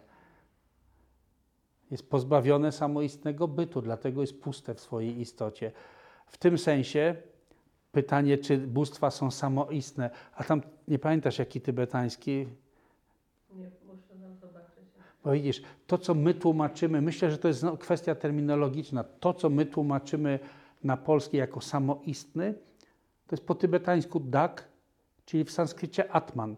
Można powiedzieć taka własna tożsamość samo w sobie. A bardzo jestem przekonany, że Dolpopa nie używał określenia dak, bo ono nijak nie miałoby się do Sambogakai, tylko mógł mówić rangshin w swojej własnej naturze w swojej naturze jest przejawieniem właściwości Dharmakai. Rangshin i Dak bardzo się od siebie różnią. Sorry, ale boję się, że to jest kwestia właśnie nieprecyzyjności naszego słownictwa buddyjskiego po polsku jeszcze. Dolpopa był takim skrajnym, e, że tak powiem, przedstawicielem, bo on nawet e, e, właśnie na naturę Buddy mówił, że to jest nasze prawdziwe ja, w sensie dak. Tak? Tak. Ja tu w piątek akurat y, pamiętam, jak mówiłem, że w zależności od potrzeb uczniów różnie te same nauki różnie się wyrażało. Na przykład czytałem kiedyś lat temu ze 20 albo i więcej, akurat zacząłem taką gazetę amerykańską, buddyjską i wykład takiej koreańskiej mniszki, która jest podobno niezwykle tam znana, popularna w swoim kraju jako głosicielka zenu koreańskiego. Ona używała wręcz takiego, takiego określenia, że musimy porzucić swoje małe ja, żeby urzeczywistnić wielkie ja. I że to jest nasza prawdziwa natura, to jest nasze wielkie ja. Czyli jakby ktoś taki studiujący Madhyamakę w sanskrycie posłyszał, żeby, żeby małego atmana zastąpić wielkim atmanem, to by powiedział o jej herezja, ale wiemy, że jej dokładnie chodziło o dokładnie to samo, że zwykłe, małe, uwarunkowane ja porzucić i wtedy odkryjemy naturę Buddy. Nazwała to wielkim ja. W ich kontekście kulturowym, językowym i tak dalej pewnie ma to sens. Dostosowane do potrzeb tych uczniów nauczanie. Ale jak chcemy na poziomie słów, możemy się kłócić. Jest sławetne, słyszałem to od Ringo Tulku, ale, ale Pierwszy raz słyszałem od Ringotulku Rinpoche, a później zacząłem, że jest to gdzieś tam znane w tybetańskiej tradycji, powiedzenie, że jeśli spotka się ze sobą dwóch świętych i się ze sobą nie zgadzają, to przynajmniej jeden z nich musi nie być świętym. I tutaj wszystkie uzasadnienia i historie o tym, jak czasami ludzie z różnych nawet kultur i religii, na przykład pamiętam z autobiografii Dalaj Lamy, jak w Hiszpanii, w klasztorze mm, milczących, jak to się nazywa ten zakon chrześcijański, to jest od, odłam e, odłam benedyktyńskiego zakonu. Ten, nie, nie, nie, nie, nie, nie. Ale powiedzmy no, coś podobnego, ale to nie są kameduli, inaczej się nazywają. E, Nieważne w tym kontekście. W każdym razie, że spotkał takiego milczącego mnicha, kontemplującego przez lata, mówi, że jak spotkali się, to było po prostu spotkanie, spotkanie umysłów. Że rzadko sobie przypomina spotkać takiego, taką duchową obecność, takiego brata. Po prostu to było spotkanie tego samego. Mówi, po prostu posiedzieli ze sobą, pomilczeli i to były piękne chwile, bo, bo wiedzieli, że się rozumieją. Ale druga część powiedzenia jest taka, że jeśli spotka się ze sobą dwóch filozofów i się ze sobą zgadzają, to przynajmniej jeden z nich musi nie być filozofem. Bo kiedy na poziomie słów, terminologii próbuje się ubrać w słowa to, co jest poza słowami, to zawsze każde sformułowanie będzie mieć jakieś pozytywne skojarzenia, ale również niebezpieczne skojarzenia prowadzące w jakimś złym kierunku. Więc na poziomie filozofii ktoś przyjdzie i powie: Nie, wielkie ja, co za głupia nauka, bez sensu, to herezja buddyjska. Nie, ale w określonym kontekście do określonych uczniów to może być ta właściwa nauka.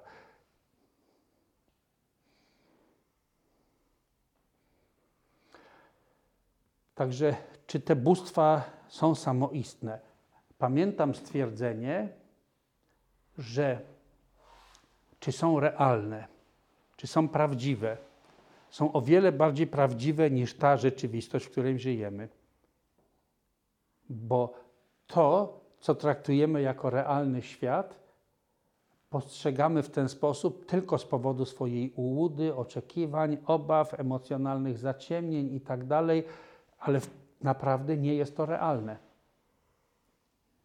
Trzymamy się tego, co nie istnieje realnie, tak jakby było realne, a to, czym jesteśmy naprawdę, czyli naturę Buddy, ignorujemy, jakby jej nie było. A to, czego nie ma naprawdę, traktujemy, jakby było. W naturze Buddy jest zarówno aspekt pustości, dharmakaya, jak i aspekt jasności, który przejawia się jako foremne kaje. I to jest prawdziwa prawda. One się przejawiają i w tym sensie, tak, te bóstwa są bardziej prawdziwe niż ta szklanka. Gdybyśmy mieli rozmawiać na poziomie filozofii, to łatwiej za pomocą logiki uzasadnić pustość, pustość, pustość wszystkiego. Jeśli słuchać filozofów, którzy od strony intelektualnej podchodzą, to łatwiej jest uzasadnić pustość wszystkiego. Ale z punktu widzenia tych, którzy podążają ścieżką i mają doświadczenia, to przecież popatrzymy na historię linii przekazu. Cała historia linii przekazu czasami zmieniała się pod wpływem takiej wizji. Ba, historie narodów i wojen czasem zmieniały się pod wpływem takich wizji. Mam na myśli gdzieś tam w Azji. Nie można powiedzieć, że tego nie ma, że to jest bez znaczenia. Ktoś, kto, ktoś, kto nie doświadczył błogosławieństwa, zawsze będzie mówił: Nie, nie, to tylko takie projekcje intelektualne, wyobrażenie naszego umysłu. A jeśli ktoś kiedyś doświadczył błogosławieństwa, nie zgodzi się z tym, że to są nieważne i puste i nic nieznaczące.